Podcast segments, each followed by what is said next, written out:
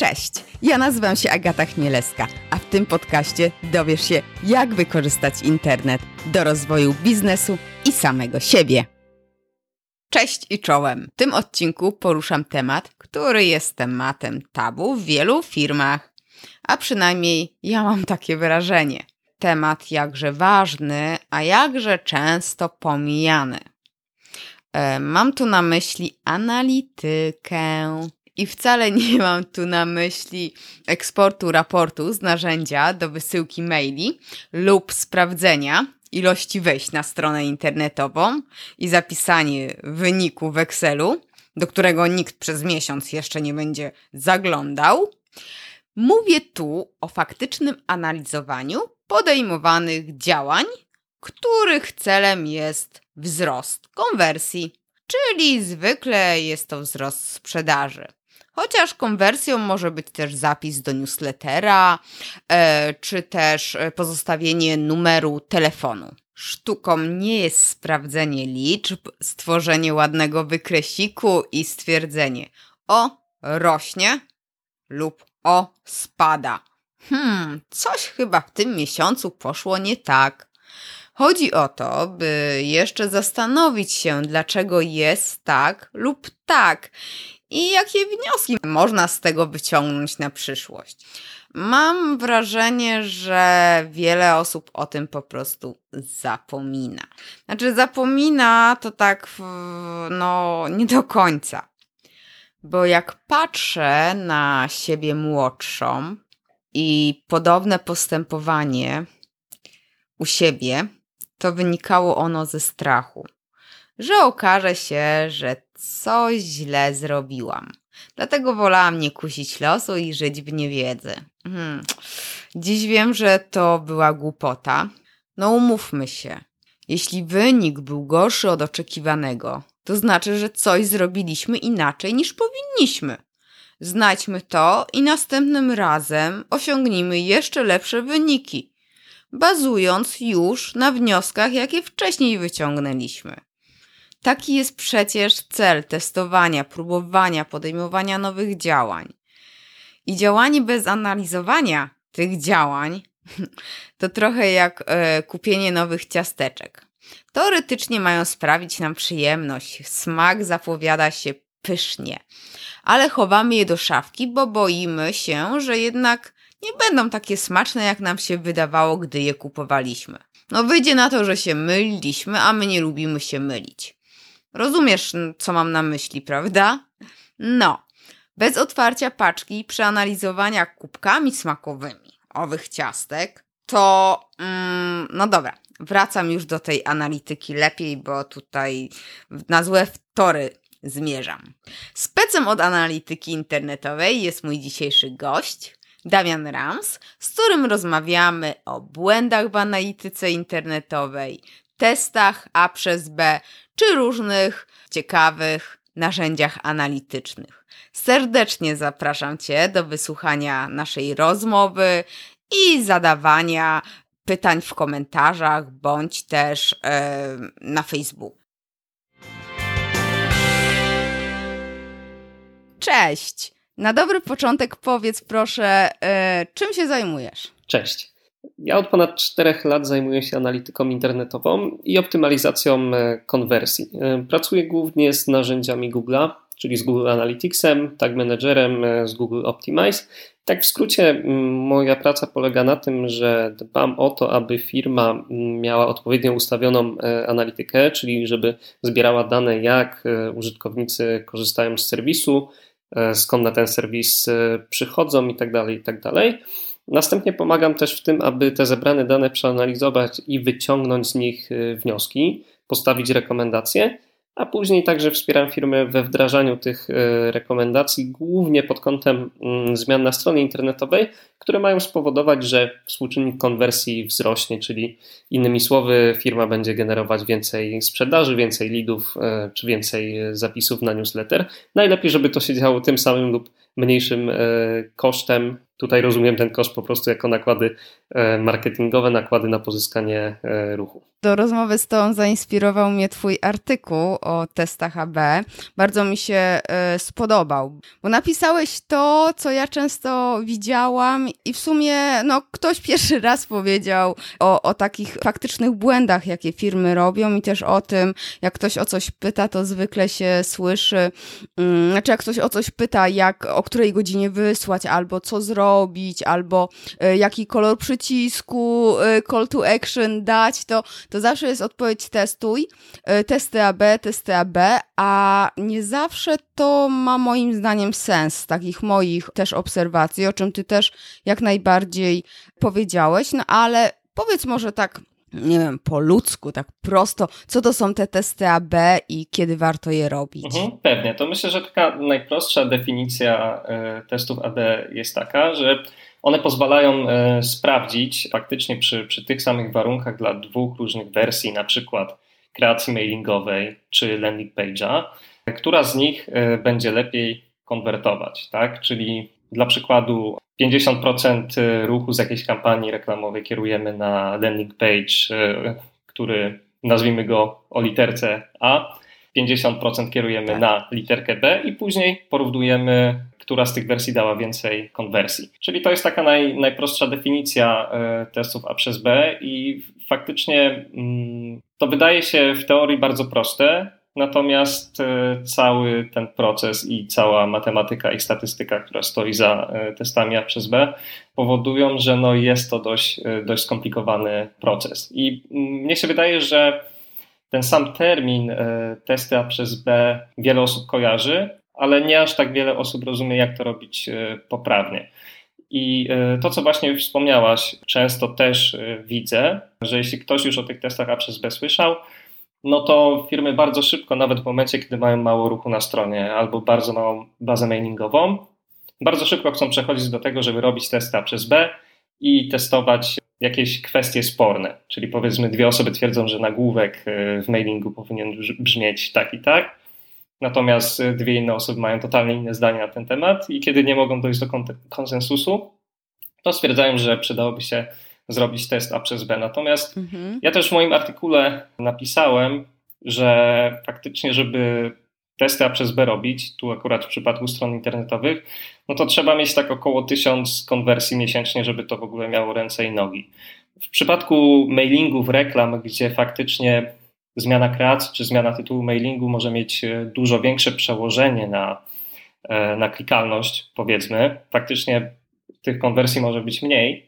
Natomiast nadal no tutaj mówimy o właśnie, mm, nie wiem, kilkuset e, kliknięciach w reklamy, czy kilkuset mhm. użytkownika klikających w e-mail. I poniżej tego poziomu tak naprawdę nie do końca jest sens się bawić w te testy przez B, bo no to bardzo często jest po prostu strata czasu, a też wyniki przy małych liczbach nie są wiarygodne i, i tak naprawdę no, mogą być po prostu błędne. No tak, wiesz, jak później się to na procenty przelicza, to ta zmiana którejś wersji jest naprawdę niewielka przy małych, załóżmy, bazach mailingowych. A mm, czy ty masz jakieś może doświadczenia właśnie z, z tym, Jaka baza subskrybentów newslettera y, powinna taka być minimalna, żeby na przykład przeprowadzić taki test, który faktycznie może coś nam powiedzieć? Pytam o bazy mailingowe, dlatego że no, ja najczęściej się z tym właśnie spotykałam, bo to jest najłatwiejsze, tak jak powiedziałeś, nie? Najczęściej to, to da się zrobić. Generalnie trzeba pamiętać zawsze o tym, że jeśli chodzi o testy A przez B, to nie ma tutaj takich magicznych y, cyfr, czyli nie możemy stwierdzić, że e, trzeba mieć zawsze minimum, nie wiem, 500 konwersji czy 500 subskrybentów newslettera, żeby robić testy e, A przez B. Mm, trzeba pamiętać o tym, że mm, taka grupa nasza, jaką musimy mieć, żeby te testy A B miały sens, jest uzależniona od e, dwóch czynników głównie, czyli od tego, jaki mamy ten obecny bazowy współczynnik konwersji oraz jaki potencjalny mm, efekt chcemy zaobserwować, e, czyli jak duży wzrost e, tej konwersji przewidujemy, że może nastąpić. I gdy mamy te dwa czynniki, to możemy to wrzucić e, w kalkulator. Jest sporo kalkulatorów, które można znaleźć w sieci.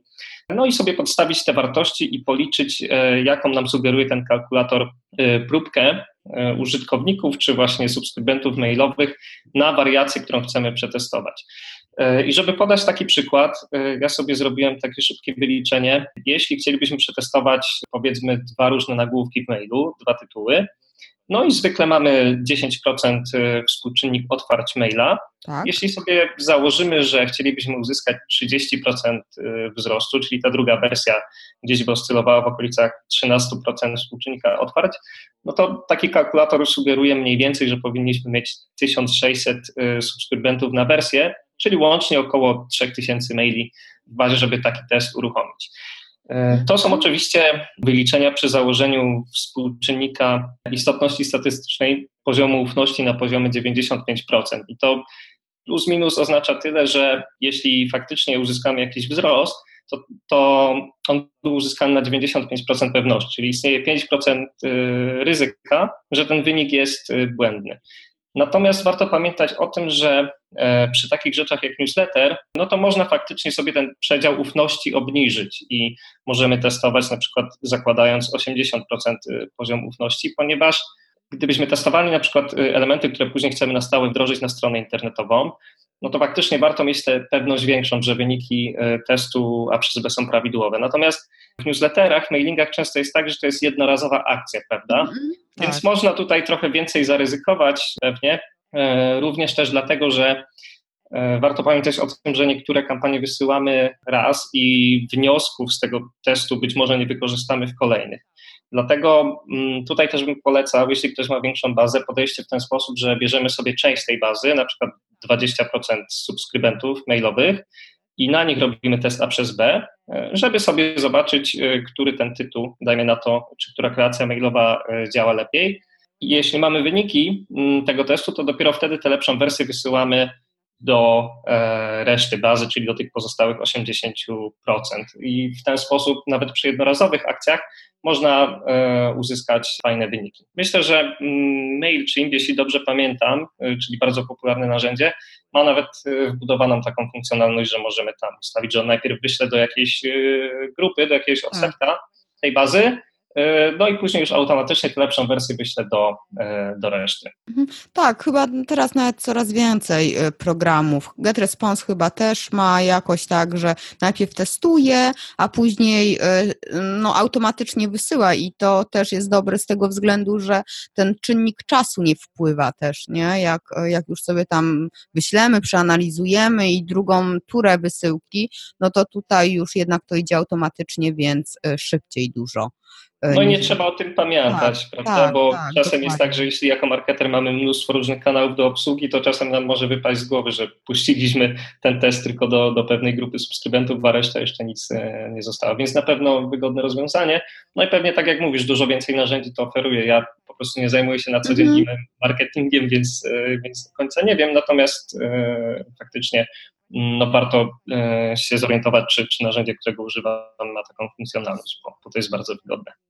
A powiedz mi, jeżeli chodzi o strony internetowe, czy ma naprawdę jakieś wielkie znaczenie to, że przycisk call to action, na przykład dodaj do koszyka, jest, nie wiem, pomarańczowy, a nie czerwony? Oczywiście, jeżeli jest widoczny na stronie, nie? Jest jakiś kolor kontrastujący z resztą strony, ale czy faktycznie to ma aż takie wielkie znaczenie, że damy jakiś inny odcień albo, no nie wiem, coś, inny kolor? Najczęściej nie, najczęściej nie. I e, właśnie osoby, które zaczynają e, swoją przygodę z testami A przez B, czy zaczynają e, coś robić w kierunku optymalizacji konwersji, no niestety dość często łapią się na takie właśnie proste pomysły, czy, czy jakieś case studies znalezione w sieci, czy na artykuły, które dają listę 120 elementów, które warto przetestować i właśnie mają często listę takich bardzo prostych zmian, typu właśnie zmiana koloru przycisku czy, czy powiększenie przycisku. Niestety najczęściej e, te zmiany nie mają dużego wpływu na, na współczynnik e, konwersji. I tak naprawdę, żeby w testach A przez B regularnie widzieć e, jakieś sensowne wzrosty, które przekładają się na biznes, no to niestety trzeba odrobić dość taką żmudną pracę, pracę domową i bardzo dużo czasu poświęcić na analizy tego, co się dzieje w serwisie. Bez tego tak naprawdę mhm. Mm, dochodzi do sytuacji, kiedy wymyślamy sobie jakieś rzeczy, które naszym zdaniem warto przetestować, albo które naszym zdaniem w serwisie nie działają. Natomiast nawet jak nam się uda uzyskać jakiś wzrost, to będzie to wynik szczęścia, a nie poukładanego e, mhm. procesu, który mamy. Okej, okay. no tak, no, no potwierdziłeś moje domysły i przypuszczenia. A właśnie, analizować, co w sklepie internetowym, na przykład właśnie w sklepie internetowym wa warto analizować. Mhm. Myślę, że zanim odpowiem na to, to jeszcze chciałem powiedzieć e, krótko o tym, jak rozumieć analitykę, bo cała analityka internetowa, jak dla mnie, ma takie dwa wymiary. I jednym z nich jest e, takie czyste raportowanie, a drugą częścią jest optymalizacja działań. No i faktycznie jedną z funkcji tej analityki e, jest po prostu dostarczanie liczb na temat tego, co się w biznesie dzieje. Czyli na przykład chcemy wiedzieć, ile faktycznie mamy miesięcznie transakcji, ile mamy ruchu, z jakich kanałów i tak dalej. Czyli ta funkcja dostarczania nam informacji o tym, na jakim pułapie jesteśmy, czy rośniemy, czy, czy są spadki i tak dalej. Na drugi wymiar to jest właśnie mm, ta optymalizacja e, działań i znajdowanie poprzez analizy jakichś elementów, które nie działają albo które można by było usprawnić. No i jeśli mówimy o tej optymalizacji działań w sklepie internetowym, przede wszystkim e, trzeba monitorować ścieżkę zakupową, czyli lejek zakupowy, checkout, czyli od momentu wejścia użytkownika na koszyk po zakończenie zakupów, ponieważ możemy założyć, że jeśli ktoś dodał produkt do koszyka, to przynajmniej w, w niewielkim stopniu jest tym produktem e, zainteresowany. Więc jeśli gdzieś po drodze m, tracimy tych użytkowników i oni z różnych powodów z tego lejka wypadają, to to jest takie pierwsze miejsce, którym warto się zainteresować i starać się te luki E, załatać i, jak najwięcej tych osób już zainteresowanych zakupem e, po prostu odratować i, i skłonić do tego, żeby ten proces e, sfinalizowali. I jak to analizować? No, Google Analytics to jest takie dość podstawowe narzędzie do tego, natomiast ono potrafi powiedzieć, gdzie ewentualnie są problemy, natomiast nie powie nam, dlaczego te problemy tam są, a tym bardziej jak je rozwiązać. Ponieważ Analytics może nam pokazać, że dajmy na to, na koszyku odpada 80% użytkowników, ale dlaczego tak się dzieje, no to nie wiadomo. Żeby się tego dowiedzieć, trzeba skorzystać z innych metod analitycznych, czyli z badań jakościowych. No i w tym pomagają wszelkiego rodzaju ankiety, które można umieścić wewnątrz witryny i zbierać feedback. Analiza heurystyczna, czyli takie eksperckie spojrzenie na serwis i próba znalezienia naszym eksperckim okiem, czy też okiem e, jakichś kolegów z działu bądź, e, bądź znajomych, znalezienie tego, co, e, co, co może być niezrozumiałe, co może nie działać na stronie. No mamy też badania użyteczności, które również są bardzo przydatne pod kątem znalezienia problemów, zwłaszcza jeśli już danym biznesem, danym sklepem internetowym zajmujemy się od roku, dwóch, trzech czy, czy dłużej, to po prostu znamy go na pamięć. I wiele rzeczy dla nas ma sens, ale dla kogoś, kto widzi to po raz pierwszy, tego sensu może nie mieć i ten, kto widzi sklep po raz pierwszy, może y, się w nim bardzo łatwo e, zgubić. No i badania użyteczności prowadzone z ludźmi, którzy nigdy tej strony na oczy nie widzieli, potrafią e, odkryć właśnie takie problemy, których sami byśmy nigdy nie znaleźli. Do tego oczywiście dość popularne narzędzia jak Hotjar czy Mouseflow, generujące hitmapy, mapy kliknięć, a także nagrania sesji użytkowników, gdzie możemy zobaczyć, jak faktycznie ci użytkownicy się zachowują w serwisie, y, gdzie klikają, gdzie się zatrzymują na dłużej, a także y, gdzie występują takie momenty, kiedy się frustrują, klikają wiele razy w jedno miejsce, bądź zapominają wypełnić jakieś pole i nie widzą, że trzeba to zrobić i tak dalej, i tak dalej. Także tutaj tych metod y, do analizy jest, jest sporo i im więcej ich zastosujemy tak naprawdę, tym większa jest pewność, że, że te problemy, które zostały znalezione, są, są realne i że warto je, warto je rozwiązać. E, dlatego, jeśli pytasz, co warto analizować e, w sklepie internetowym, no to myślę, że taki pierwszy przystanek to jest właśnie ten lejek zakupowy, natomiast warto pamiętać, żeby się nie ograniczać tylko i wyłącznie do suchej analizy cyferek z Analyticsa, ale żeby też zastosować wiele innych metod analizy, tak jak te analizy jakościowe, które, które wymieniłem, bo, bo dzięki temu można uzyskać taki pełniejszy obraz i dowiedzieć się, co tam faktycznie nie działa. Ten lejek zakupowy to jest jedna rzecz, natomiast Natomiast e, druga e, bardzo ważna rzecz to są e, karty produktów i strony kategorii. Wiele osób, zanim zobaczy statystyki z Analyticsa dotyczące swojego sklepu, wierzy, że to strona główna jest najważniejsza, że to od niej najwięcej ludzi zaczyna wizytę. Natomiast bardzo często w sklepach internetowych to nie jest prawda, bo wiele osób zaczynają od karty produktu bądź od strony kategorii. I w momencie, kiedy już tym lejkiem zakupowym się zaopiekujemy i mm, naprawimy błędy, które tam są, to warto przejść właśnie do, do kart produktu i do stron kategorii i, i właśnie tam szukać, szukać rzeczy, które nie działają, które warto poprawić. A jakbyś mógł więcej powiedzieć o tej analizie heurystycznej, bo to jest taki trudny, trudne słowo, więc wydaje się skomplikowane. No wydaje się skomplikowane i brzmi może bardzo mądrze, ale e, tak naprawdę analiza heurystyczna to jest nic więcej jak E, uruchomienie danego serwisu internetowego, przejście całego procesu zakupowego, przejście różnych typów podstron i notowanie pomysłów na to, co potencjalnie e, może być problematyczne w serwisie, a także notowanie jakichś pomysłów na usprawnienia. I na dobrą sprawę analizę heurystyczną może przeprowadzić każdy i nie potrzeba do tego żadnych dodatkowych e, narzędzi. E, oczywiście im większa jest wiedza danej osoby o UX, o copywritingu, o e-commerce, tym wyższa będzie jakość e, tej analizy. Natomiast co do zasady jest to taka najszybsza, najprostsza metoda znalezienia problemów na stronie internetowej. Oczywiście warto pamiętać, że to jest wtedy tylko perspektywa jednej osoby, czyli osoby, która wykonuje analizę, więc e, nie polecam za bardzo się przywiązywać e, do e, tych wniosków z tej analizy, ponieważ one mogą być prawdziwe. Te problemy, które znajdziemy, to może być dobry trop, ale mogą być też całkowicie nietrafione.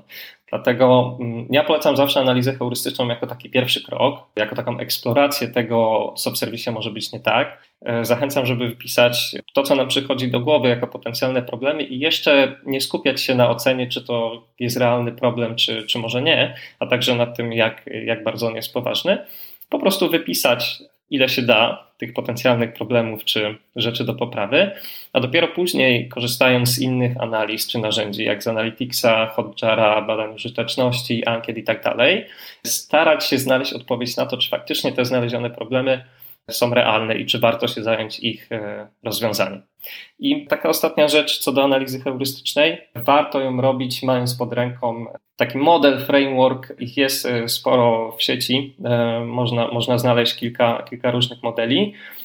One po prostu opisują, na jakie elementy na stronie warto zwrócić uwagę. To jest zwykle 5, 6, 7 elementów, takich jak na przykład czytelność strony, rozpraszacze, komunikacja USB, E, dopasowanie tego, jak strona wygląda do komunikatów reklamowych czy do oczekiwań użytkownika, no i plus zwykle jakieś e, dwa, trzy elementy zależnie od modelu. Warto to mieć pod ręką, bo wtedy mamy gwarancję, że o żadnej takiej ważnej części serwisu nie zapomnimy podczas e, tej heurystycznej oceny. Mhm. Taka checklista po prostu, która no, w sumie zawsze się przydaje każdemu, no nie?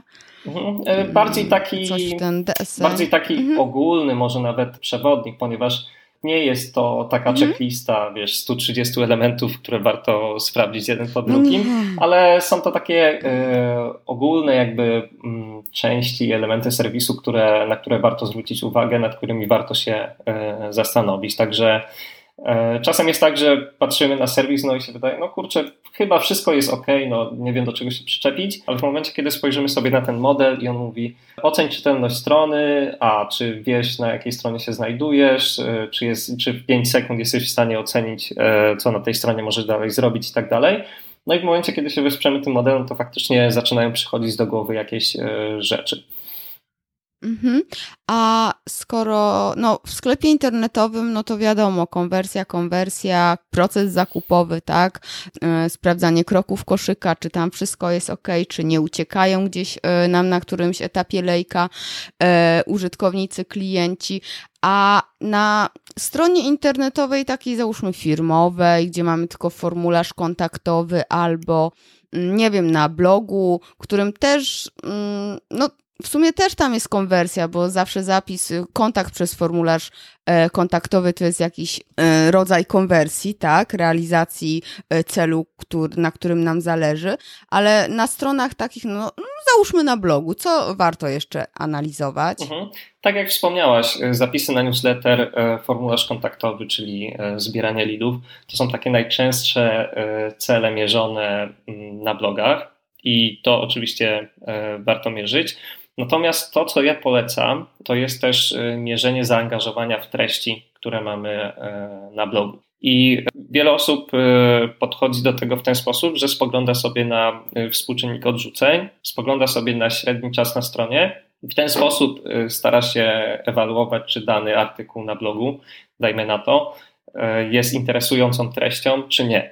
No i ocena wygląda w ten sposób, że jeśli ten współczynnik odrzuceń jest stosunkowo niski, no to wtedy ten wpis jest e, fajny, jest przydatny dla ludzi. Jeśli współczynnik odrzuceń jest wysoki, no to coś jest nie tak. Natomiast ja zachęcam do tego, żeby pójść jednak trochę dalej, bo to, co mówi współczynnik odrzuceń w takiej standardowej konfiguracji Analyticsa, to nic więcej niż to, czy ktoś przeszedł na kolejną podstronę e, w serwisie, czy może e, zakończył wizytę na tej pierwszej podstronie, od której tę wizytę zaczął, czyli wszedł na artykuł i wyszedł. Natomiast mogło się zdarzyć tak, że ktoś wszedł na artykuł, wyszedł od razu, a mogło być tak, że wszedł na artykuł, spędził na nim 10 minut, przeczytał całość, dodał komentarz i dopiero wyszedł. Natomiast jeśli nie mamy skonfigurowanej mhm. analityki pod mierzenie właśnie zaangażowania w treści, no to patrząc tylko na współczynnik odrzuceń, te dwie wizyty, bardzo różne tak naprawdę, o których wspomniałem, przez pryzmat współczynnika odrzuceń czy średniego czasu na stronie będą wyglądać identycznie. Natomiast y, ja uważam, że to jest dość spore przekonanie i warto y, mierzyć więcej rzeczy. To, co ja dla przykładu mierzę u siebie na blogu, to jest głębokość e, przewijania na stronie, czyli sprawdzam, jak daleko e, w zależności od danego artykułu użytkownicy scrollują, jak dużo tej treści pochłaniają.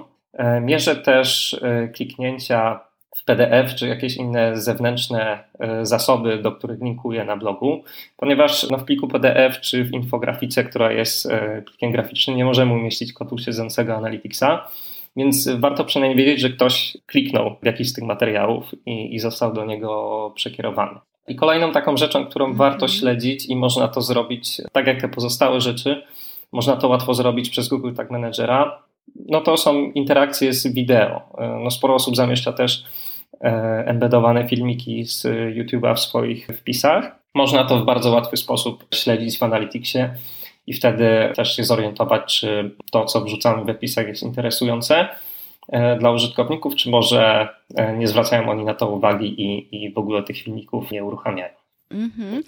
O Google tak menadżerze jeszcze będziemy rozmawiać, bo mam do Ciebie takie kilka w sumie pytań o Google tak menadżera. A jeszcze wracając do tego, co mówiłeś teraz, to powiedziałeś coś takiego, że dodatkowo skonfigurować coś w standardowej konfiguracji, to co, jeżeli ja chcę jeszcze coś innego, co tutaj powiedziałeś, załóżmy, mm, sprawdzać głębokość przewijania strony, to ja muszę jeszcze coś dodatkowego robić? Nie, nie wystarczy wklejenie kodu Google Analytics? E, no, niestety nie wystarczy. E, ten kod, który e, wklejamy na stronę, on mierzy mm, odsłony poszczególnych podstron, no i w oparciu o to on też generuje dużo innych metryk, które są widoczne w Analyticsie. Natomiast y, wszelkie takie niestandardowe interakcje ze stroną, jak na przykład przewijanie strony czy kliknięcia y, w różne przyciski, trzeba dokonfigurować y, samodzielnie. No i tutaj są dwie drogi, żeby to zrobić. Jedna to jest wpinanie takich specjalnych kodów, które wysyłają zdarzenia do Google Analyticsa, tylko to trzeba robić w HTML-u strony. No a druga opcja, dużo prostsza, dużo wygodniejsza, to właśnie wspomniany już wcześniej e, Google Tag Manager. On działa na takiej zasadzie, że też wklejamy po prostu jeden kod do headera strony, a następnie wszystkie interakcje, które chcemy śledzić, konfigurujemy już z poziomu takiego wizualnego interfejsu. Dlatego nawet dla nietechnicznej e, osoby to będzie stosunkowo proste, a na pewno dużo, dużo prostsze niż e, grzebanie w kodzie strony i, i próby powpinania tam jakichś odpowiednich e, zdarzeń, które wysyłają informacje o tych interakcjach do, do Analyticsa. Także podsumowując, żeby e, śledzić takie niestandardowe interakcje e. niż odsłona, mhm, mów, e, mów. Trzeba, e, trzeba skonfigurować e, je ręcznie. Mhm. I jeszcze są takie rzeczy jak eventy, podpinanie jakichś zdarzeń, eventy, zdarzenia to to samo, pod przyciski. E, czy to też jest takie proste, to też można przez ten cały GTM y, zrobić? Czy to trzeba się już tutaj znać troszeczkę na jakichś y, HTML-ach i programistycznych rzeczach? Tak, oczywiście to można zrobić przez y, Google Tag Managera. Jakby dużą zaletą GTM-a jest to, że mm, no to jest tak naprawdę taki dość spory kombine, który automatycznie po instalacji jest w stanie tak jakby widzieć różne interakcje ze stroną i to, co my musimy zrobić, to jedynie wskazać mu w jakim momencie co ma wysłać, na przykład do Analyticsa. I tak naprawdę wiedza techniczna potrzebna do skonfigurowania takich e, dość prostych e, zdarzeń wysłanych do Analyticsa często sprowadza się do tego, że musimy tylko e, znaleźć, jaki jest ID czy klasa elementu, który chcemy śledzić. Na przykład, jeśli masz jakiś przycisk call to action na stronie, i wiesz, że jego ID to jest e, CTA, dajmy na to, no to to ci już wystarczy, żeby skonfigurować w GTM-ie tag, który wyśle zdarzenie do Analyticsa w momencie, kiedy ktoś e, kliknie ten przycisk. I oczywiście w GTM-ie można zrobić bardzo skomplikowane rzeczy. Jeśli ktoś zna JavaScript, to może naprawdę różne cuda tam zrobić. Natomiast dla takiej nietechnicznej osoby, która dopiero zaczyna z tym przygodę, wiele takich podstawowych tagów można e, załatwić bez, e, bez większego problemu. Te, o których wspomniałem, czyli na przykład śledzenie przewijania strony albo śledzenie interakcji z wideo, to są takie tagi, do których są gotowe już tak zwane reguły w GTM-ie. Czyli nawet y, nie trzeba się zastanawiać nad tym, jak GTM jest w stanie rozpoznać, jak daleko ktoś przeskrolował stronę. I myślę, że mm, korzystając z jakichś tutoriali, które są dostępne w sieci, y, można bardzo szybko dodatkowe interakcje ze stroną e, skonfigurować. I naprawdę nie potrzeba tutaj dużo technicznej wiedzy, często wręcz, e, wręcz w ogóle ta wiedza nie jest e, potrzebna. I, i, po prostu idąc krok po kroku z tutorialami można takie rzeczy dość przydatne w analizie treści zainstalować. A no GTM właśnie, a jakie znasz jeszcze takie rzeczy, których ludzie też nie, nie, nie robią, nie analizują, czy może, może, nawet nie rzeczy, ale jakie błędy związane z analityką internetową najczęściej spotykasz? Bo ja na przykład często i gęsto spotykam się e, z tym, że marketerzy nawet, online marketerzy, nie wiedzą co to są UTM-y, to jest jeden w sumie z lepszych wpisów na moim blogu, e, wytłumaczenie tłumaczenie, mm, co to są te UTM-y, albo e, też w sklepach internetowych nie wiedzą, co jest konwersja wspomagana, ścieżki wielokanałowe. Ty, czy ty też z takim się, czymś się spotykasz, czy, czy raczej jakieś inne, inne rzeczy, które cię dziwią, napotykasz, a może nic? No chcę powiedzieć, że nic, e, ale, ale tak pięknie nie jest. E, te rzeczy, które wspomniałaś i zwłaszcza tagowanie linków UTM-ami, to jest rzecz, którą widzę cały czas i mało kto dba o to, żeby te linki poprawnie tagować. I też u mnie na blogu y, chyba najpopularniejszy w tym y, momencie artykuł, no to jest o tagowaniu UTM, jak to robić poprawnie, także, także jak widać y, po, popularny temat.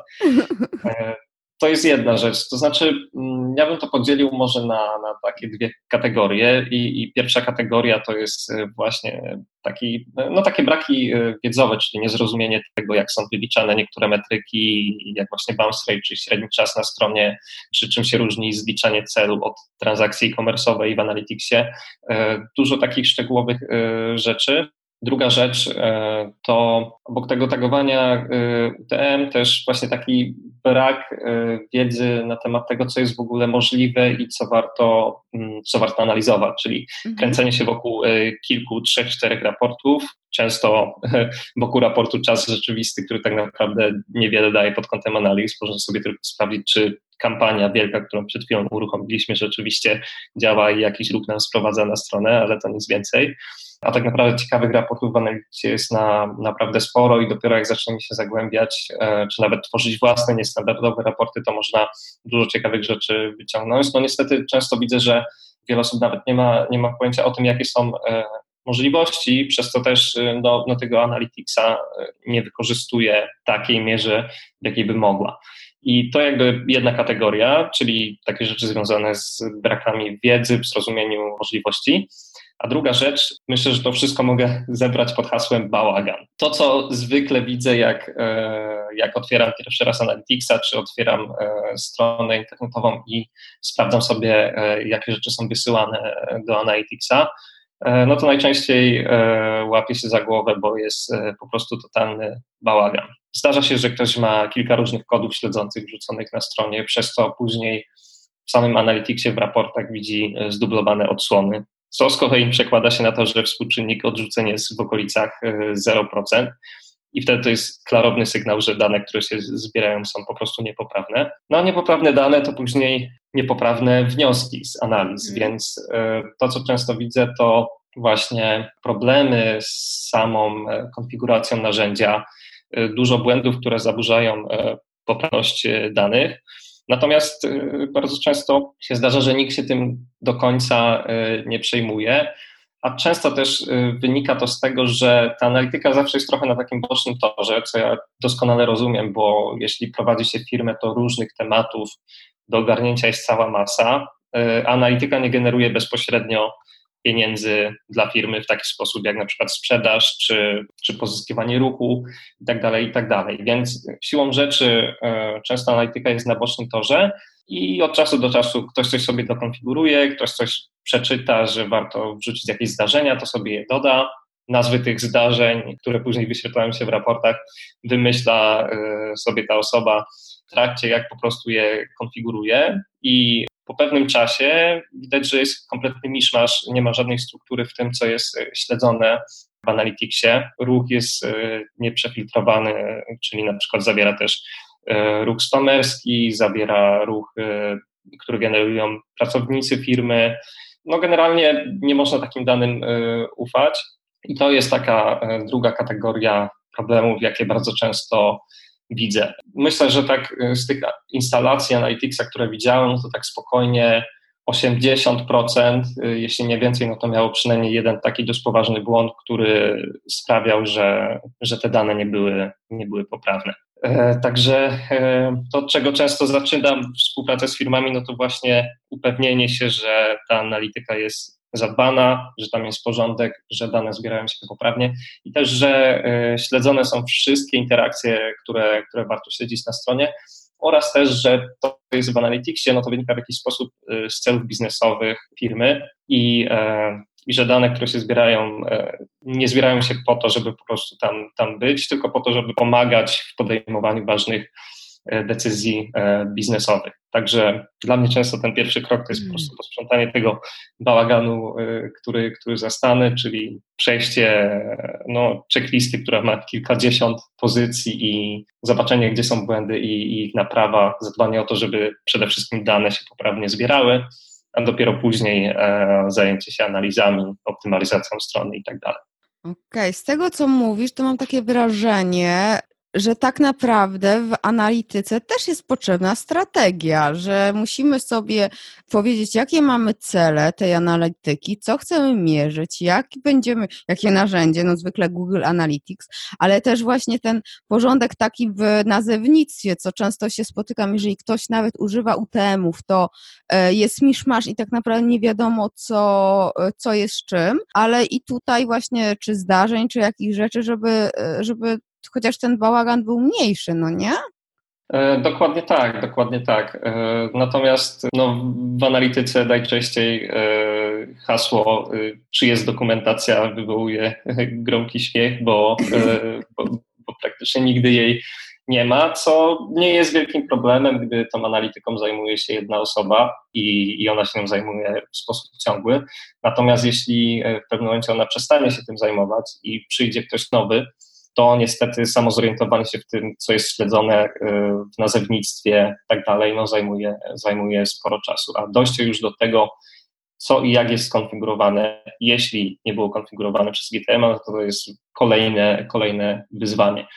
E, dlatego tak, no, zgadzam się ze stwierdzeniem, że w analityce jest potrzebna strategia i ja jestem zdania, że analityka jest, jest po to, żeby, tak jak wspomniałem, pomóc podejmować e, decyzje biznesowe. Dlatego no to nie powinno być podejście w stylu e, OK, zrobiłem listę 20 zdarzeń, interakcji, które chcę śledzić na stronie i teraz sobie to wdrożę i będzie super tylko najpierw się faktycznie trzeba zastanowić, co jest ważne dla firmy, jakie metryki są e, istotne, wyjść, e, wyjść od tego następnie się zastanowić, ok, jeśli mamy sklep internetowy, on ma jakieś różne typy podstron, na przykład stronę kategorii, dajmy na to.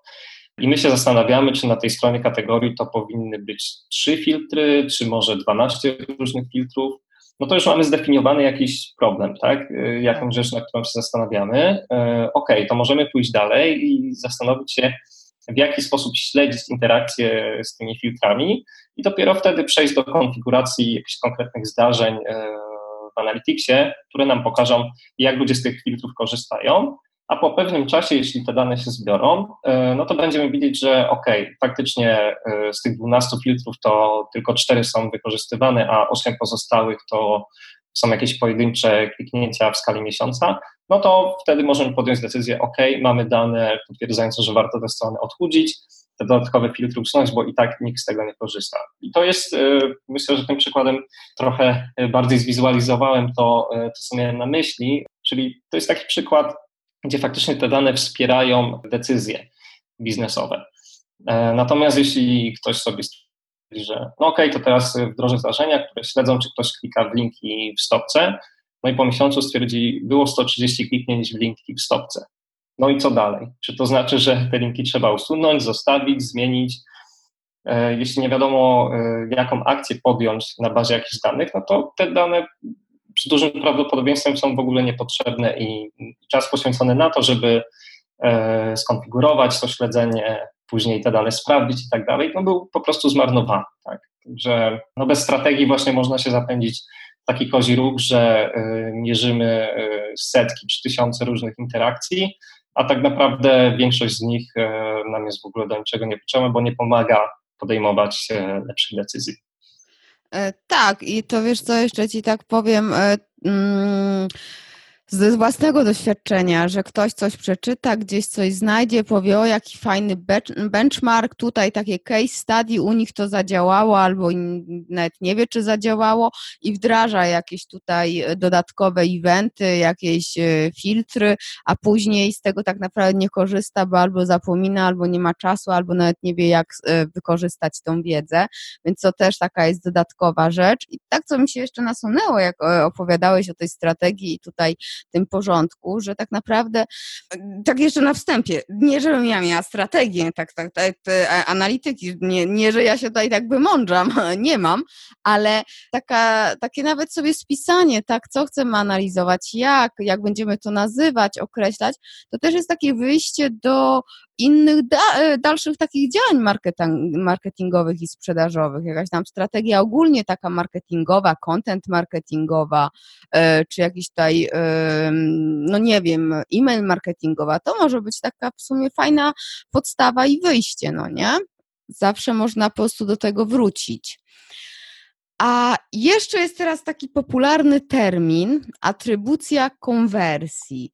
I to też jest taki tajemniczy, można powiedzieć, termin. E, dla mnie dziwne jest, że dopiero od niedawna jest taki e, boom i tyle się o tym mówi. Powinno chyba wcześniej już to być popularne, e, popularne zjawisko. Gdybyś miał opisać takim prostym znowu językiem, co to jest ta atrybucja konwersji? Atrybucja konwersji y, polega na tym, może wyjdę tutaj od tego, jak y, w takim standardowym układzie y, jest to definiowane, bo mhm. atrybucja konwersji to tak naprawdę przypisanie danej konwersji do danego źródła ruchu. Czyli ktoś, dajmy na to, wchodzi na stronę internetową z linku w newsletterze, dokonuje zakupu, no i ten zakup będzie przypisany do tej jego wizyty z newslettera. Google Analytics w takim standardowym układzie działa to w ten sposób, że właśnie konwersja jest przypisana do ostatniego, nie bezpośredniego źródła wizyty. Czyli mhm. jeśli wszedłbym na stronę z newslettera, nic bym nie kupił, ale wszedłbym e, na przykład dzień później, e, bezpośrednio wpisując adres sklepu pasek przeglądarki, dokonał zakupu, no to ten zakup będzie tak czy siak przypisany do newslettera, bo było to ostatnie niebezpośrednie wejście. I mm, domyślnie w Google Analytics jest ustawiony ten właśnie model e, last click, czyli to ostatnie niebezpośrednie kliknięcie, do którego jest przypisywana jakby cała ta konwersja. Natomiast e, to najczęściej nie jest tak, że ktoś zobaczył reklamę danej firmy, wszedł, kupił produkt i tyle. Im bardziej skomplikowany, droższy jest produkt czy usługa, no tym więcej tych wizyt jest potrzebnych, żeby się z tym produktem zapoznać, podjąć decyzję, sprawdzić jeszcze raz jakieś szczegóły. Więc w momencie, kiedy tych wizyt z różnych źródeł jest na przykład pięć, no to chyba jest to trochę nieuczciwe, żeby całą zasługę za tę konwersję przypisywać do tej ostatniej wizyty, prawda? No bo mhm. przecież te poprzednie cztery też się przyczyniły do tego, że ktoś się przekonał do, do zakupu. No i tutaj właśnie pojawia się ten termin atrybucji konwersji i też różnych e, modelów atrybucji, które można sobie też w Analyticsie porównywać. Mm, jest kilka domyślnych modeli, które mogą przypisać konwersję do, do pierwszego źródła e, wizyty, do właśnie ostatniego niebezpośredniego. Mogą też każdemu ze źródeł, które były na ścieżce użytkownika, przypisać równą wartość i tak dalej. Wiesz, to zawsze mnie to zastanawia, jak to jest tak, w takiej sytuacji, gdy ja robię coś, przeglądam sobie produkty w, przez komórkę, później w domu. Czy jakoś można to śledzić, maczować, czy jakoś to jest powiązane ze sobą, te urządzenia różne w dzisiejszych czasach? Są tutaj y, dwie opcje, y, tak naprawdę. Pierwsza, która jest y, od dawna w Google Analyticsie, to się nazywa User ID. Mhm. I wdrażając to User ID, faktycznie można między urządzeniami śledzić użytkowników, ale jeśli oni są zalogowani, czyli jeśli jesteś zalogowana w jakimś serwisie na komputerze, na komórce, na to samo konto, czy na jakimś jeszcze innym urządzeniu, to faktycznie w momencie, kiedy jesteś zalogowana, Analytics może cię po tym numerze użytkownika połączyć. E, natomiast e, jest jeszcze ten raport cross-device w Analyticsie, który się pojawił e, w tym roku. Tam ja faktycznie przekopałem się przez to, co Google na ten temat pisze w swojej dokumentacji, na swoim blogu i tak dalej. No i to, co udało mi się wywnioskować, to faktycznie, jeśli jesteś zalogowana na koncie Google, przeglądarce mhm. Chrome na komputerze i na telefonie, i masz wyrażoną zgodę na spersonalizowane reklamy od Google'a, to wtedy faktycznie w tym raporcie Cross Device Analyticsie jest w stanie śledzić swoją wizytę, y, jakby twoje, twoją aktywność w serwisie na różnych urządzeniach. Natomiast nie udało mi się dotrzeć do informacji na temat tego, co w przypadku, jeśli na komputerze jesteś zalogowana na konto Google, na telefonie jesteś zalogowana w aplikacji Gmailowej, mhm. ale nie jesteś zalogowana w Chromie, albo na przykład korzystasz E, z innej przeglądarki, no i wewnątrz tej przeglądarki też się nie logowałeś na Gmaila webowego. To znaczy w ogóle nie udało mi się dotrzeć do informacji, czy bycie zalogowanym na Gmaila w jakiś sposób uaktywnia też zbieranie danych do tego raportu, czy nie. Także e, tutaj jeszcze trochę jest chyba tajemnic do, do odkrycia, jeśli o to chodzi. Natomiast taki pewny przypadek no to jest zalogowanie w Chrome na konto Google e, na przeglądarkach na różnych urządzeniach. Wtedy Analytics te dane łączy, natomiast e, no warto pamiętać, że jesteś wtedy oczywiście anonimowym użytkownikiem mm. cały czas, więc tu też nie ma się tak, czego, tak. czego obawiać. Nie no, ja to wiem, ja zresztą zawsze na wszystko pozwalam, znaczy nie zawsze na wszystko, tak, ale na jakieś spersonalizowane reklamy z jednej strony dlatego, że no jestem marketerem i mnie to interesuje, co tam się dzieje, a z drugiej strony wolę spersonalizowane niż jakieś odczapy, reklamy nie, nie pasujące do mnie, więc, e, więc mnie na pewno śledzą wszędzie.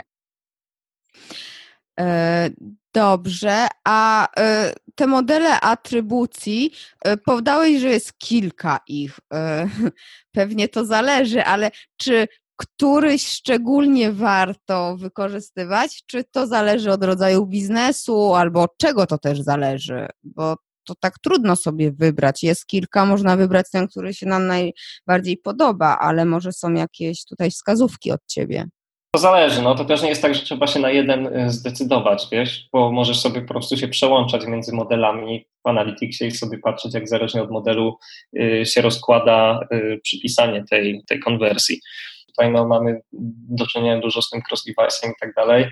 E, no to bardzo często po prostu te ścieżki konwersji są bardzo krótkie, jak sobie, jak sobie w, to, w, to, w to zajrzymy. Tak. Takie jedno, dwuwizytowe się, się wydaje mi, to jest większość konwersji. Także y, ja generalnie z tych modeli atrybucji praktycznie nie korzystam, bo nie byłem nigdy w stanie jakichś y, naprawdę sensownych wniosków y, z tego wyciągnąć na jakichś, na jakichś dużych liczbach.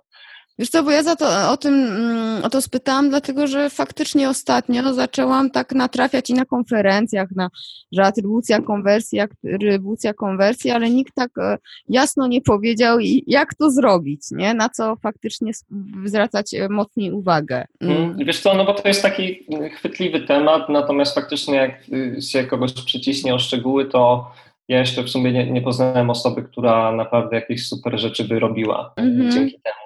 Także to fajnie może brzmieć na, na prezentacji. E, wiesz co, jeszcze mam takie, e, no już prawie, prawie na koniec. Mam pytanie. Oprócz Google Analytics, jakieś inne narzędzia analityczne, też darmowe i nie wiem, może porównywalne klasy pod względem funkcjonalności, e, czy mamy do wyboru, czy tylko jesteśmy skazani na Google Analytics?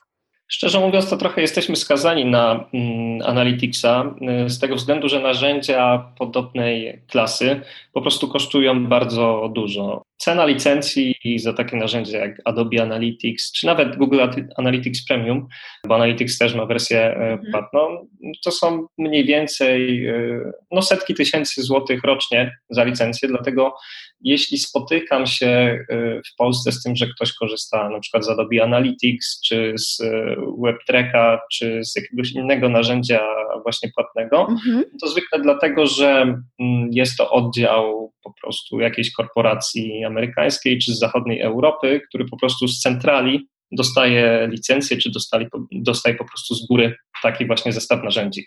Natomiast y, no, króluje bezwzględnie e, darmowy Google Analytics, bo to jest naprawdę potężne narzędzie i e, naprawdę e, ciężko tutaj o to, żeby, mm, żeby znaleźć darmowy, darmowy odpowiednik. Kiedyś e, darmowy, jeśli dobrze kojarzę, był e, Piwik, ale mm, ostatnio sprawdzałem i faktycznie darmowa wersja jeszcze istnieje. Teraz to darmowe narzędzie nazywa się Matomo. Natomiast ta wersja darmowa, można ją mieć tylko jeśli będziemy korzystać z własnego serwera, który, jak wiadomo, też trzeba mhm. skonfigurować, utrzymywać. Nie korzystałem nigdy, więc nie wiem, jak duże to są koszty e, roczne. E, to pewnie też w dużej mierze zależy od tego, ile danych my tam zbieramy, jak duży mamy serwis, ile różnych interakcji śledzimy, więc to ma na pewno bezpośrednie przełożenie na koszty utrzymania takiego narzędzia analitycznego, natomiast nie jestem w stanie określić, jaki to jest e, przedział, e, przedział kwot.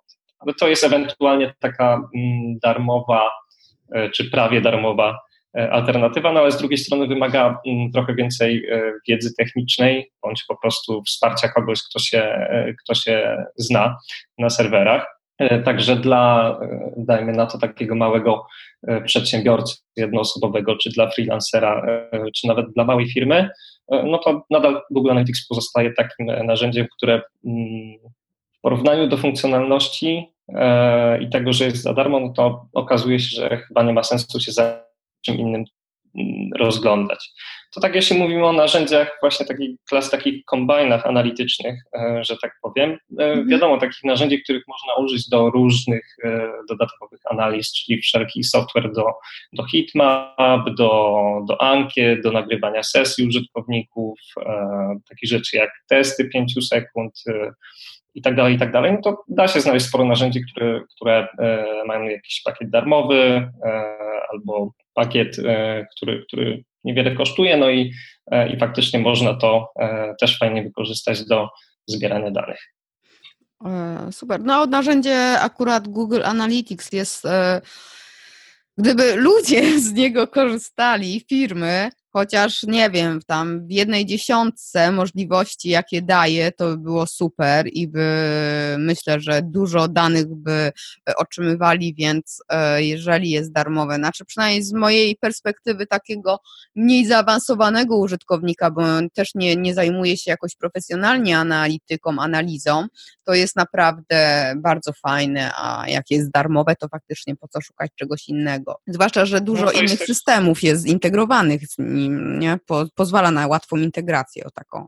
Tak, to jest też właśnie ważne, co wspomniałaś, że mnóstwo innych narzędzi e, po prostu można zaznaczając jeden checkbox e, na przykład śledzić e, cały e-commerce, jeśli mamy tak. sklep internetowy, czy wiele, wiele narzędzi za pomocą jednego checkboxa jest w stanie dosyłać tam dodatkowe dane czy zdarzenia.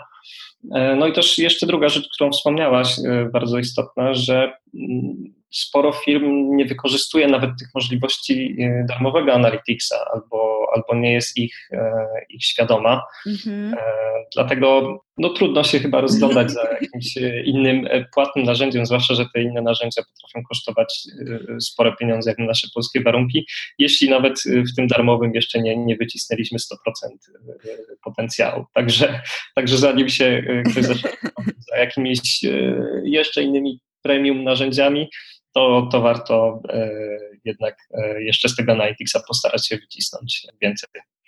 Dokładnie. A wiesz, co jeszcze mnie zaintrygowałeś? E, pierwszy raz usłyszałam testy 5 sekund. Co to jest? Mhm.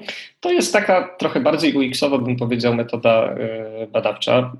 Jak chyba dość powszechnie już wiadomo, mm, my mamy dość niską cierpliwość, jeśli chodzi o strony internetowe i jeśli nie jesteśmy w stanie w kilka sekund zrozumieć mniej więcej, o czym dana strona jest, e, albo jeśli stwierdzimy, że ona nam się po prostu nie podoba, to z niej wychodzimy. No i właśnie testy 5 sekund mm, to jest taka metoda, gdzie e, możemy wrzucić do narzędzia nawet e, screenshot naszej strony i to narzędzie pokazuje je ludziom przez 5 sekund, a później możemy Mm, na przykład określić e, jakieś jedno pytanie, czy kilka pytań, jakie są zadane tym osobom po tym, jak zobaczyły przez kilka sekund naszą stronę. Czyli pokazuję na przykład landing page'a, e, przez 5 sekund on się komuś wyświetla, później jest pytanie, jak myślisz, e, jakie są korzyści z tej usługi, którą tutaj zobaczyłeś na tej stronie. No i w ten sposób możemy sprawdzić, czy dana strona internetowa jest wystarczająco klarowna, i czy użytkownik będzie w stanie szybko zrozumieć tę najważniejszą myśl, którą my mu chcemy przekazać.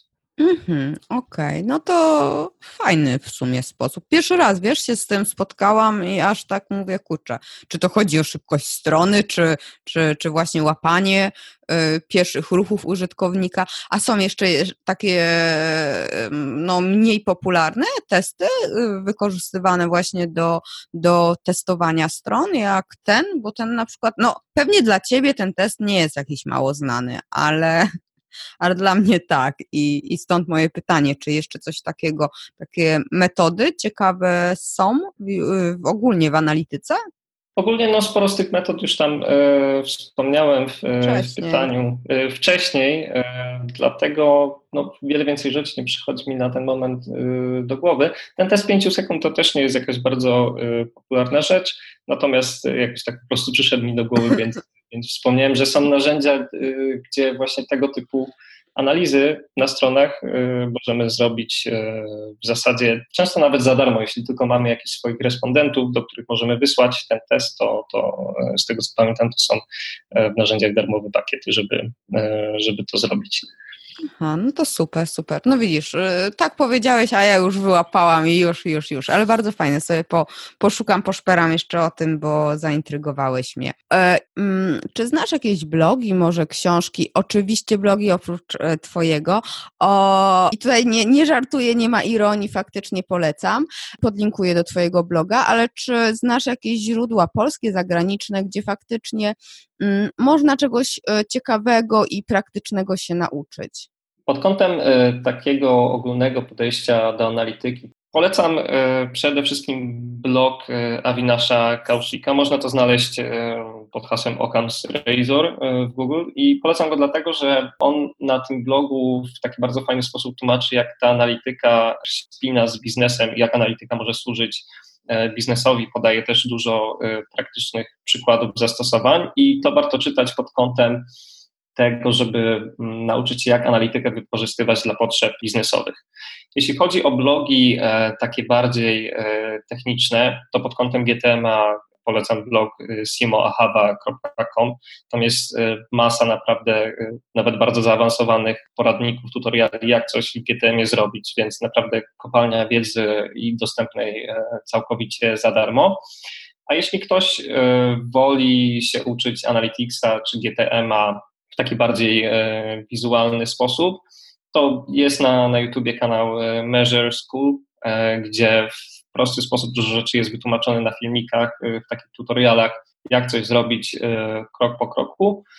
I myślę, że, że dla wielu osób to też będzie bardzo pomocne. Natomiast pod kątem jeszcze optymalizacji konwersji, takich badań jakościowych, takiego kompleksowego podejścia do tego, mm, jak podnosić konwersję na stronie, to polecam blog conversionxl.com również ma masę takich długich, szczegółowych, wyczerpujących artykułów, bazujących też często nie tylko na wiedzy mm, samego autora bloga, ale też różnych innych osób z branży, które w tych artykułach się udzielają, więc jest tam też spojrzenie z innej perspektywy, czy przykłady właśnie z różnych firm z rynku.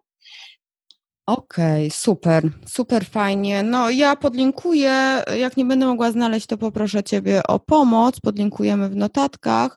A powiedz jeszcze, jeżeli ktoś by chciał się z Tobą skontaktować, zapytać o coś, a może zaprosić do współpracy, to gdzie najlepiej do Ciebie uderzać? Taką najlepszą formą kontaktu dla mnie jest y, formularz kontaktowy na mojej stronie damianrams.pl albo dodanie mnie na LinkedInie, gdzie też jestem y, bardzo aktywny i, i po prostu napisanie y, wiadomości. Także jeśli chodzi o te dwa kanały, no to zawsze dość szybko pisuję. Super. Mm, dobrze, ja też podlinkuję, więc nie będzie problemu. Ogólnie no, temat analityki jest tak szeroki i mam tyle jeszcze pytań, że tak jak rozmawialiśmy na początku, y, z chęcią y, porozmawiam z Tobą jeszcze raz, bo, bo pytań na pewno nie będzie e, mniej, a na pewno jeszcze dojdą. Ale bardzo Ci bardzo dziękuję za rozmowę. No i, i trzymaj się. To ja dziękuję serdecznie za, za zaproszenie e, i do usłyszenia. Hej, hej, pa, dzięki.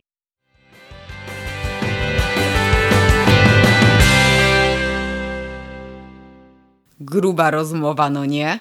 Wręcz samo mięso chce się powiedzieć. Albo dobra, bakłażań, jeśli słuchają to wegetarianie. Wiedza, jaką posiada Damian o analityce internetowej jest naprawdę ogromna.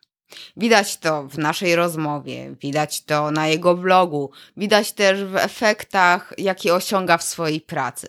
Coś tam widziałam, więc wiem. No.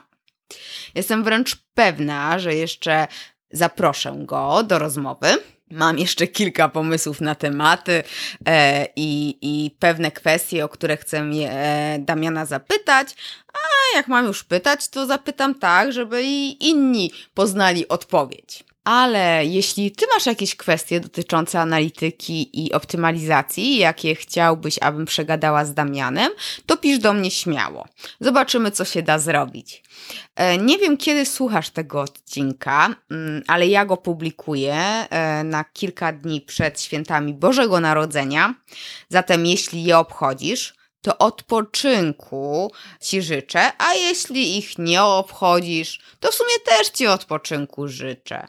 Sobie też odpoczynku życzę. No wszystkim życzę odpoczynku i tyle. No i wszystkiego tam najsmaczniejszego, najradośniejszego. No i dobrze przeanalizowanego oczywiście. Hej, do usłyszenia w kolejnym odcinku. Dziękuję Ci za wysłuchanie tego odcinka podcastu. W notatkach znajdziesz linki do stron, książek czy narzędzi, o których wspominałam. Zapraszam Cię także na mój blog achmieleska.com łamane na blog. Jeśli uważasz, że ten podcast może być pomocny także innym osobom, poinformuj ich o nim, a także zostaw opinię na iTunes. Niech konwersja i uśmiech będą z Tobą.